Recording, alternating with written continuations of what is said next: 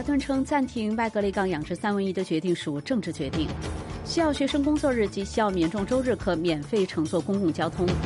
伊朗声称已成功向太空发射三颗卫星。一环保组织抗议者向蒙娜丽莎画像泼汤。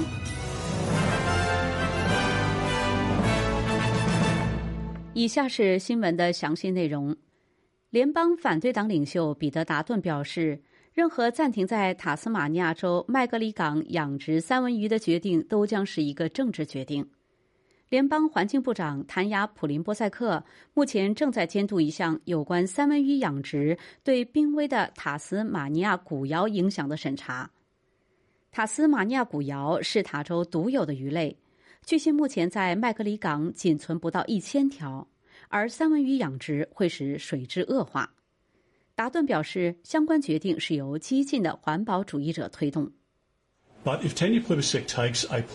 说：“如果谭雅·普林波塞克在这里做出一项政治决定，这将有利于工党在悉尼内城和墨尔本的绿党席位，但却会破坏当地社区居民的生活和生计。”如果我们叫停该行业，会发生什么呢？澳大利亚人不会停止食用三文鱼，也不会停止食用当地社区生产的产品。我们将进口该产品，这些产品不会按照塔斯马尼亚州产品同样的环境标准来进行养殖。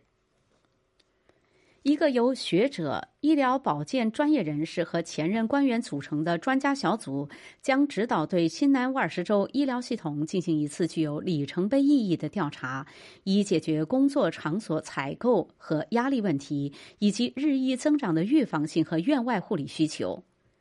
医疗保健特别调查委员会一直在研究新州医疗系统不断攀升的成本和浪费问题，以及如何更好的利用人员和资金。自去年十一月举行首次听证会以来，调查委员会已收到来自医疗服务机构、临床医生组织和其他利益相关者的两百三十八份意见书，总计五千多页。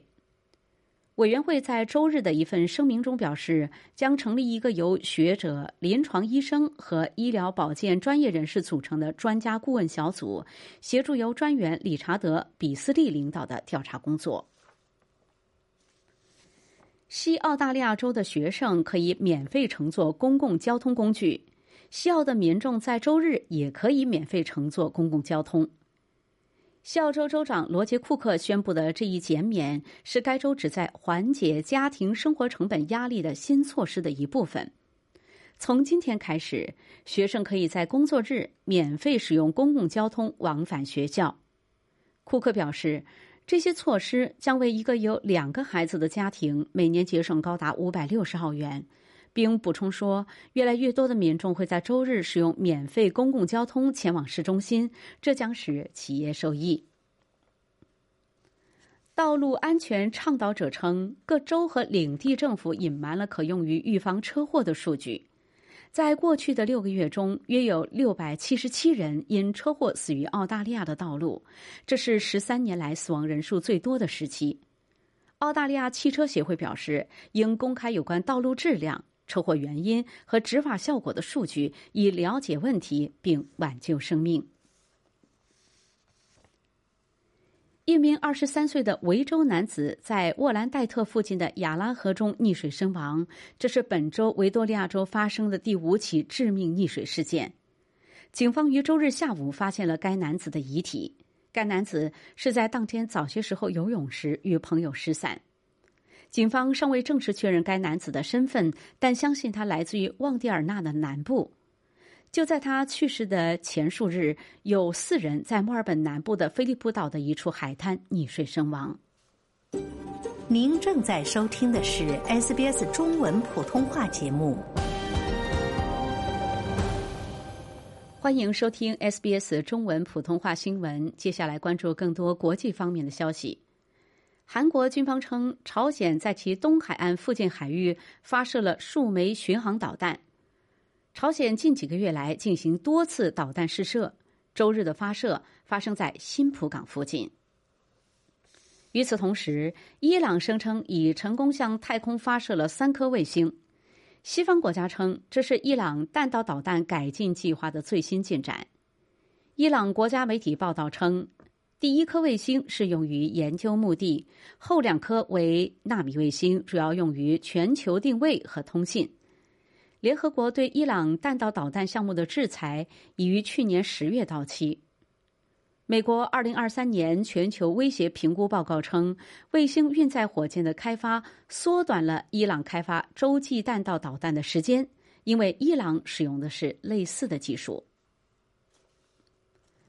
在八个国家表示将暂停向联合国近东巴勒斯坦难民救济和工程处资助之后，巴勒斯坦外交部表示谴责所谓的双重标准。巴勒斯坦官员警告称，在人道主义危机日益加剧的情况之下，切断对近东救济工程处的资助可能会带来破坏性的致命后果。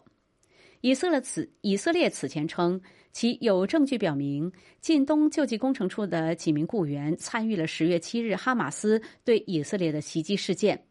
此后，多国对近东救济工程处暂停资助。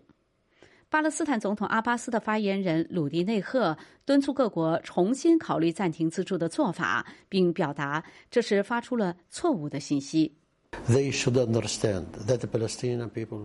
他说：“他们尝试了很多次，但都错了。他们应该明白，巴勒斯坦人民是有权利的。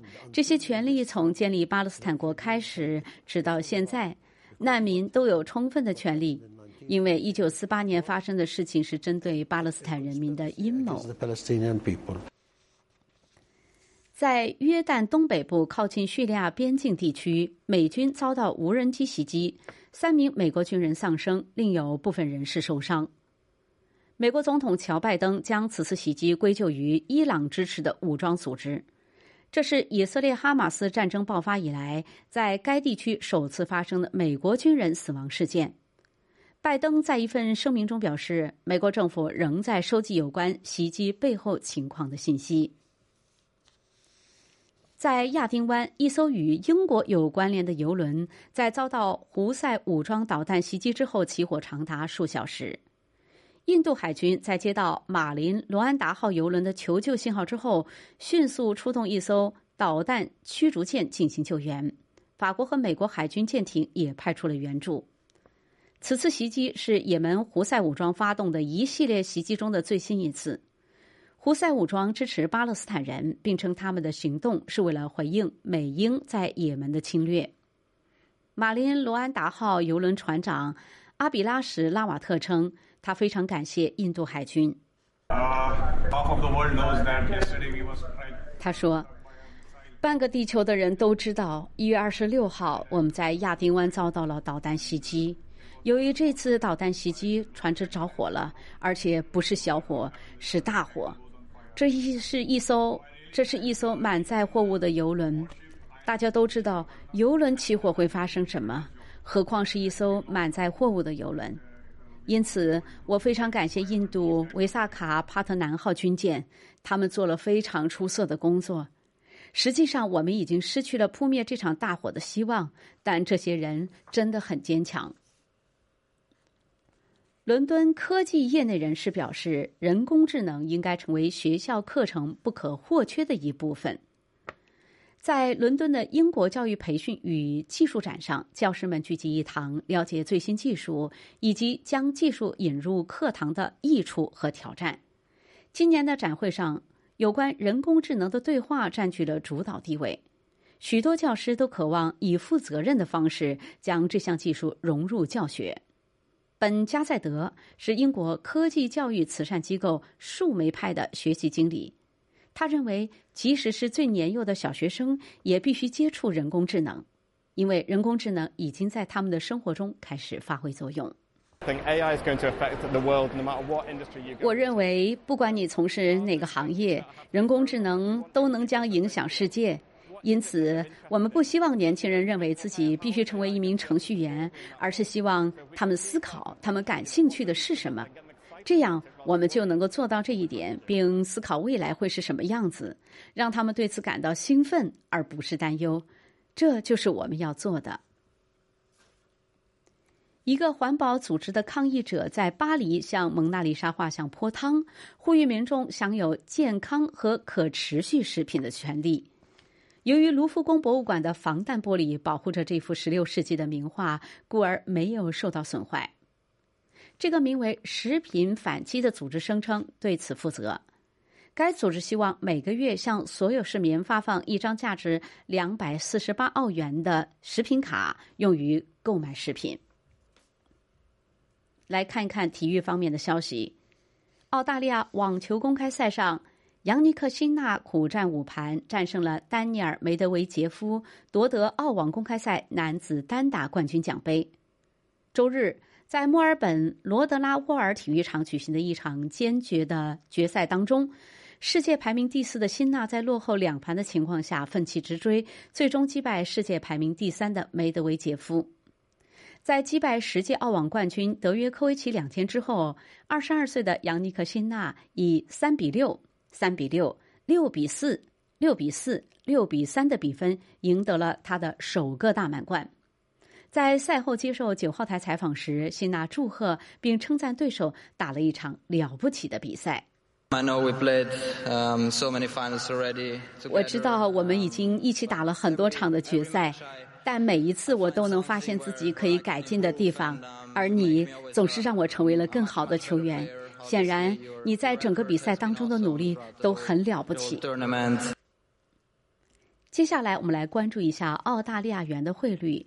在国际货币市场上，一澳元可以兑换零点六五八美元，一点零七八新西兰元。同时，一澳元可以兑换四点七一八元人民币，五点一四三元港币，二十点五九八新台币。新闻节目的最最后是全国各主要城市今天的天气情况。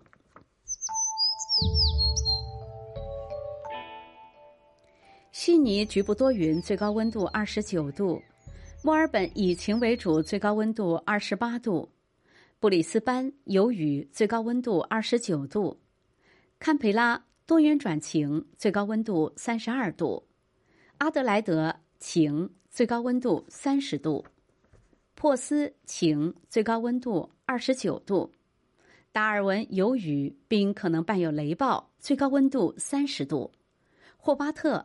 局部多云，最高温度二十五度。